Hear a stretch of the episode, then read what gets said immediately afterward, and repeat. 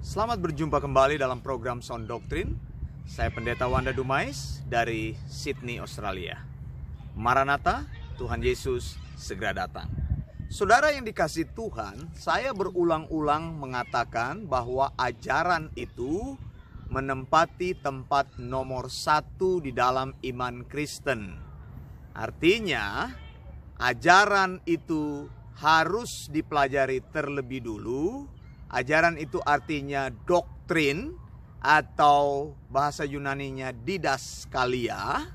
Lalu setelah ajaran terbentuklah praktek atau praktek-praktek beriman itu dihasilkan dari sebuah ajaran yang dieksegesis dengan baik.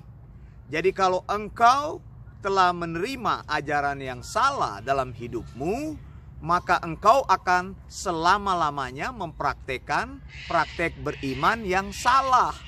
Begitu. Jadi jangan berpikir praktek berimanmu itu hanya muncul begitu saja. Tidak. Kalau engkau tidak mempunyai ajaran yang benar, tidak mempunyai sound doctrine atau ajaran yang alkitabiah atau ajaran yang sehat, maka praktek berimanmu sudah pasti tidak akan menjadi praktek beriman yang sesuai dengan Alkitab.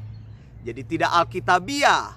Itu salah atau lebih parahnya lagi prakteknya sesat. Nah, saya mau tunjukkan ini satu pengalaman ketika saya menjadi seorang pendeta yang masih muda, saya menjadi seorang gembala, ya, ada satu keluarga yang telah salah memahami ayat dalam firman Tuhan karena diajarkan salah maka mereka praktekkan itu salah. Ayatnya adalah Amsal 5 ayat 15. Firman Tuhan berkata, "Minumlah air dari kulamu sendiri, minumlah air dari sumurmu yang membual. Amsal ini adalah kitab puisi ya, termasuk dalam poetic books ya. Jadi kalau dalam Alkitab itu kitab-kitab puisi di perjanjian lama itu mulai dari kitab Ayub, kitab Mazmur, kitab Amsal, kitab uh, pengkhotbah, Kidung Agung, Ratapan itu kitab-kitab puisi. Kitab puisi harus ditafsirkan dengan cara-cara yang tepat sesuai dengan kitab puisi. Ya saudara, sama seperti kalau saya menyinggung Alkitabnya orang Yahudi atau Jewish Bible, itu Jewish Bible itu disebut Tanak. Jadi ada Torah ya, lima kitab Musa, Tanak itu artinya Torah, yaitu lima kitab Musa, kejadian keluaran imamat bilangan ulangan. Jadi Torah ada di situ. Jangan bawa pengajaran Torah dalam perjanjian baru. Lalu ada Neviim. Jadi Tanak itu ada ta Torah. Nah itu Neviim, kitab nabi-nabi. Lalu ada kitab namanya Ketubim. KH itu Ketubim. Ketubim itu tulisan-tulisan. Nah Alkitab Kristen itu juga mengada apa pembagian-pembagiannya ada seperti itu. Kita juga ada Torah, lalu ada kitab sejarah, lalu ada kitab puisi yang saya sampaikan ini, lalu nabi-nabi besar dan nabi-nabi kecil. Nah, saya ingin bicara mengenai kitab puisi di sini. Ya, kitab puisi tidak mudah memahaminya, harus memahami cara dan waktu Bible time. Jadi Bible timeline harus uh, tahu bagaimana caranya kitab puisi itu ditafsirkan. Saudara, pada waktu saya melayani satu keluarga karena mereka baru bergabung dengan jemaat kami, saya diundang ke dalam uh, keluarga ini untuk mendoakan istri daripada uh, suami, istri daripada orang ini. Lalu ibu ini sakit parah, saudara, sakit kanker yang stadiumnya sudah lanjut. Jadi mereka berusaha dengan apa pun supaya ada kesembuhan bagi ibu ini, termasuk memanggil saya sebagai pendeta untuk datang melayani dan saya layani mereka setiap minggu begitu. Jadi saya datang membuat kebaktian, mendoakan, memberikan semangat. Ibu ini sudah ditaruh di depan ruang tamu. Jadi sudah tidak di kamar lagi karena sudah parah penyakitnya. Jadi supaya gampang dilayani, dokter dipanggil ke rumah mereka. Begitu ya. Lalu saya tanya pengobatan apa saja yang sudah dilakukan. Mereka sudah katakan banyak pengobatan. Sekarang katanya mereka menempuh pengobatan tradisional. Saya tanya apa itu?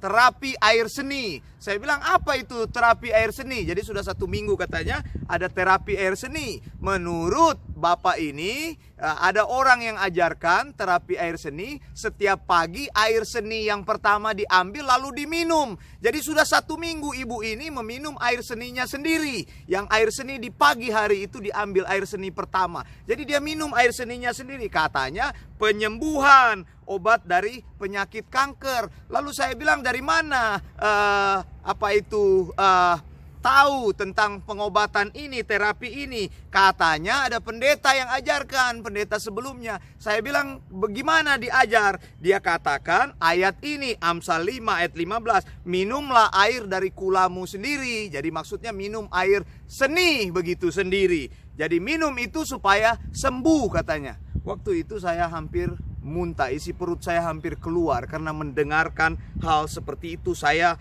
belum terbiasa saudara. Ya saudara, hati-hati kalau engkau terima ajaran yang salah, praktekmu akan salah. Dan terus terang saya katakan, praktek ini salah, menyesatkan diterima dari seorang hamba Tuhan yang mengajarkan, yang mengambil satu ayat yang tidak dieksegesis dengan benar, diajarkan jemaat-jemaat praktekkan. Saudara Amsal 5 ayat 15 ayat yang bagus, tapi memang sulit dipahami kalau hanya membaca lalu lalang. Setiap ayat Alkitab harus ditafsirkan dan dieksegesis dengan baik. Karena itu Eleos Theological School, Theological School kami menyediakan saudara sarana itu mengajar. Kalau engkau rindu untuk belajar bergabung bersama kami nanti diajarkan bagaimana cara mengeksegesis ayat dan juga mengetahui arti ayat itu secara uh, arti asli dari bahasa asli. Saudara Amsal 5 ayat 15 sebenarnya di dalam King James Version bilang begini drink waters out of thine own cistern and running waters out of thine own well ya. Jadi di sini kata cistern itu cistern itu artinya kan apa penyimpanan air di bawah tanah pada waktu itu di Israel mereka pakai seperti itu atau tong air atau tempat menyimpan air atau Anda yang punya toilet flush itu toilet duduk itu itu dia punya kotak tempat air itu namanya cistern itu jadi cistern ini adalah tempat tong air. Sementara well itu adalah sumur. Jadi ada dua yang disimpulkan dalam Amsal 5 ayat 15 Perhatikan, minumlah air dari kulamu sendiri, minumlah air dari sumurmu yang membual. Jadi dipakai kata cistern di situ dan kata well di situ kata yang sama. Kalimat ini adalah metafora karena karena uh, kita puisi kita puisi itu memakai bahasa yang indah-indah, memakai bahasa kiasan yang harus dipahami. Tugas kita sebagai pembelajar Alkitab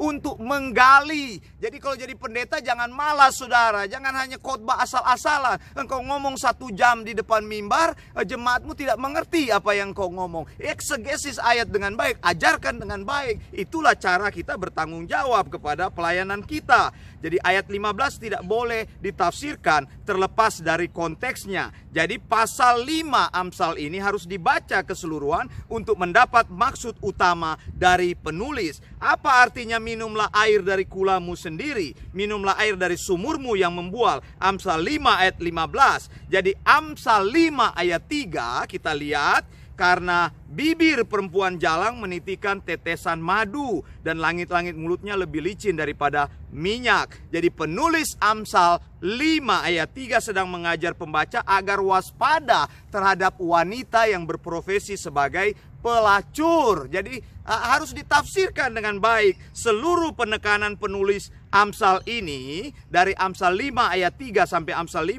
ayat 14 menekankan tentang peringatan hubungan seksual yang dilakukan di luar nikah dengan perempuan jalang, dengan orang yang bukan pasangannya, dengan pelacur, dengan perempuan yang bukan pasangannya atau suami atau apa apa maksud saya pasangannya yang bukan suaminya. Baru kita tiba pada ayat 15 ya artinya begini wawasannya saya berikan. Kalau engkau punya sumber penampungan air sendiri kenapa engkau harus mengambil air dari tetanggamu Jadi melalui Amsal 5 ayat 15 Tuhan menyuruh engkau harus punya tong air, harus punya sumber air sendiri di rumahmu supaya tidak minta-minta kepada tetangga, supaya tidak nebeng di tetangga, cari air di tetangga. Jadi penulis Amsal bilang, minum air dari kulamu sendiri, minum air dari sumurmu. Artinya engkau harus punya sumur, engkau harus punya cistern tadi tong penampungan air sendiri supaya engkau bisa minum airmu sendiri. Sampai di sini mudah-mudahan engkau jelas. Kalau engkau punya air penampungan sendiri, maka engkau minum air dari situ. Kalau engkau punya air dari sumur, sumurmu penuh air, maka engkau minum mengambil air dari sumurmu. Jadi pelajaran yang kita dapat dari Amsal 5 ayat 15, pelajaran mengenai pernikahan untuk mereka yang sudah menikah.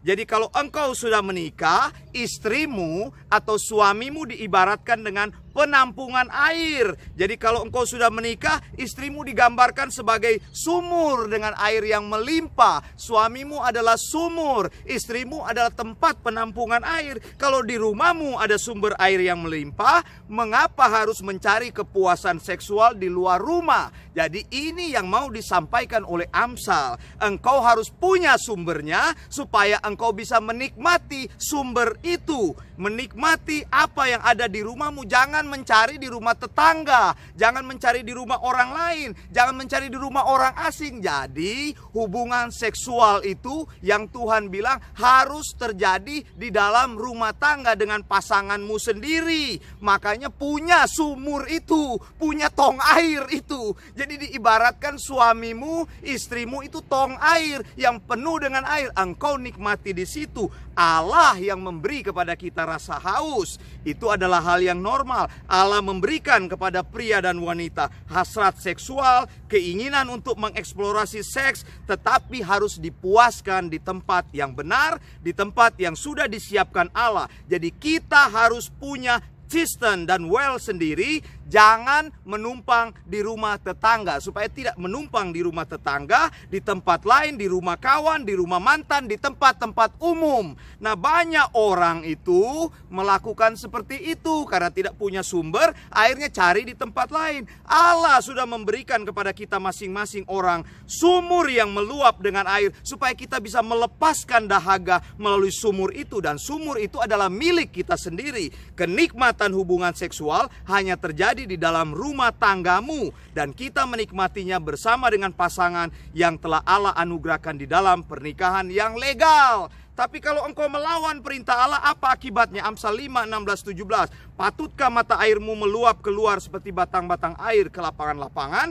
Biarlah itu menjadi kepunyaan sendiri, jangan juga menjadi kepunyaan orang lain. Kalau melanggar perintah Allah, mata airnya meluap ke mana-mana. Maksudnya apa? Karena terbiasa melepaskan dahaga di tempat lain, di rumah tetangga, di rumah teman, di rumah kekasih gelap, di rumah mantan, di tempat umum, berjajan. Karena ini kan ada pelacur tadi. Maka mata air mereka, sperma atau sel telur ya itu dikatakan tersebar ke mana-mana. Akibatnya punya anak dengan siapa saja, punya anak tanpa terikat pernikahan yang legal. Coba perhatikan saudara, ada orang yang anaknya itu di mana-mana, punya anak dengan siapa saja, masih terikat pernikahan legal, dia punya anak dengan siapa saja. Ya, kalau saya mungkin jadi tuan, saya juga bingung. Ini anaknya dari siapa begitu? Begitu. Jadi punya dengan siapa saja. Tersebar spermanya, sel telurnya. Dibagi-bagi ke orang lain. Di mantan, di umum, di tetangga, di siapa saja. Nah Allah tidak menginginkan. Saat masih menjadi suami atau istri yang sah. Dia bersinah dengan orang lain. Memuaskan hasrat seks secara membabi buta. Akhirnya hamil. Punya anak dengan siapa saja. Anda bisa cek perkataan saya. Temukan buktinya. Di mana pun Anda sudah tahu hal ini. Masih terikat pernikahan dengan si Anu, ibunya, ayahnya mempunyai anak dengan si Anu terus menerus terjadi tanpa ada pertobatan. Gereja diam, tidak tahu mau berbuat apa menangani masalah ini. Bahkan gereja memberkati pasangan yang tidak sah. Gereja memberkati orang yang masih terikat pernikahan. Pendetanya tidak punya kekuatan, saudara. Allah sudah peringatkan, sel sperma atau sel telur harus menjadi milik bersama di dalam pernikahan. Akhirnya menjadi kepunyaan orang lain, bahkan meluap sampai ke lapangan-lapangan. Tempat umum, Alkitab bilang. Akibatnya apa? Banyak sekali anak-anak yang lahir karena tidak dikendaki oleh orang tuanya. Mereka lahir bukan karena hubungan yang diberkati Tuhan, tapi karena mata air yang meluap sampai jauh, kayak lagu Bengawan Solo. Me air meluap sampai jauh, airnya ke laut ya kan? Lagu Bengawan Solo, ingat lagu itu. Kenyataan ini menyedihkan sekali. Orang percaya harus berdiri teguh untuk mengajarkan konsep pernikahan dan hubungan seksual yang benar. Allah mau kita mempunyai tempat penampungan air sendiri. Allah mau kita mempunyai sumur sendiri. Allah mau kita memuaskan rasa haus kita melalui tempat penampungan air kita dan sumur kita. Allah mau kita tidak memuaskan rasa haus di rumah tetangga, di rumah teman, di rumah orang lain, di tempat-tempat umum. Mungkin Anda berkata, pendeta Wanda, sumurku kering, tempat penampungan airku kosong. Nasihat saya, mintalah anugerah dan rahmat Allah, grace and mercy untuk memberkati tempat penampungan air dan sumurmu supaya kembali menjadi fresh dan mengeluarkan air yang berbual-bual. Saudara, hidup itu adalah anugerah, maka Allah akan memberikan kekuatan kepadamu untuk menjalaninya. Saya Pendeta Wanda Dumais dari Sydney, Australia. Maranatha Tuhan Yesus segera datang. Blessings.